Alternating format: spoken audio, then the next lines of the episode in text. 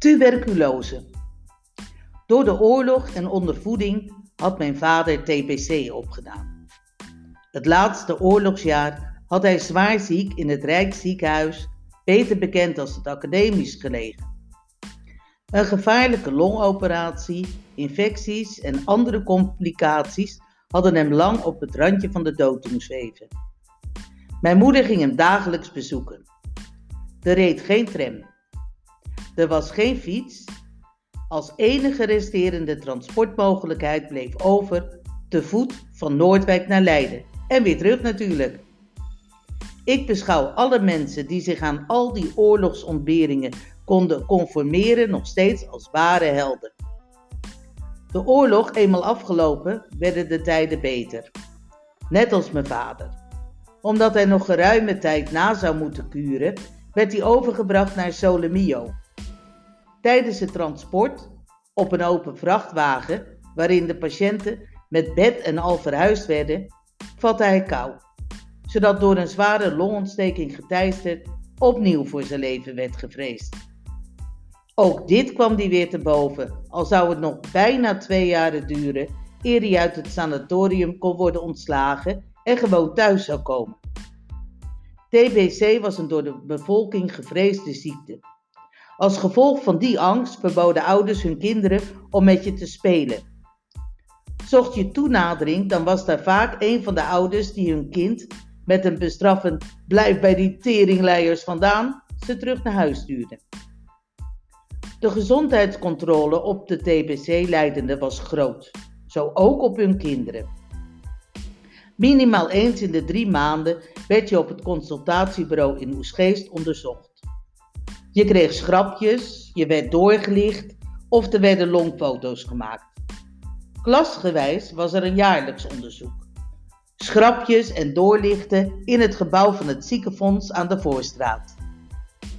Opgekomen schrapjes betekende positief. En hoewel je mocht verwachten dat de aanleiding voor het positief zijn bekend was, ging je nog een extra keertje door de molen en kreeg je een verwijzing voor een extra controle in het Oesgeese consultatiebureau. Solemio betekende voor ons, de kinderen in de zomer buiten spelen in de duinen, bramen plukken en hutten bouwen. Wegens het besmettingsgevaar werden geen kinderen op bezoek toegelaten. Buiten blijven moesten we. Zomers een pretje, maar winters, als er geen sneeuw lag en het was koud of het stortregende, dan bleven we toch liever alleen thuis bij de gezellig snorrende kachel. Moeder ging, dat sprak vanzelf.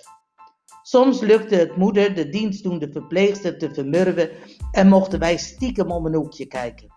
Ik denk altijd vol bewondering terug aan mijn vader.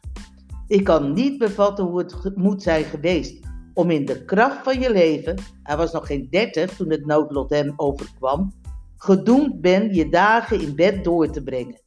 Machteloos ver weg van alles. Van je vrouw, van je gezin, van je huis en van je werk. Waarbij dan nog komt dat wanneer de patiënten eenmaal aangesterkt waren, ze zich gezond en krachtig voelden en vol energie zaten, om de tijd te doden had, heeft mijn vader onder het toeziend oog van een zogeheten welverleidster heel wat siervoorwerpen in elkaar geknutseld. Vervuild en versleten zijn ze in de loop der jaren allemaal in de afvalbak verdwenen. Maar soms heb ik een onuitsprekelijk heimwee naar het achtkantige doosje dat hij maakte van gebruikte ansichtkaarten.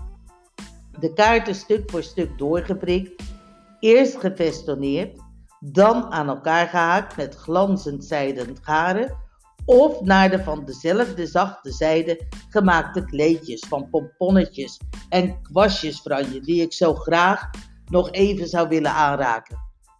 Had hij wat langer mogen leven, mijn vader, ik zou het hem hebben gevraagd. Hoe het was geweest, hoeveel pijn die ziekte had veroorzaakt. En dan, met mijn hand in de zijne, zonder één woord te zeggen, had ik hem begrepen. De pijn gevoeld waaraan die leed.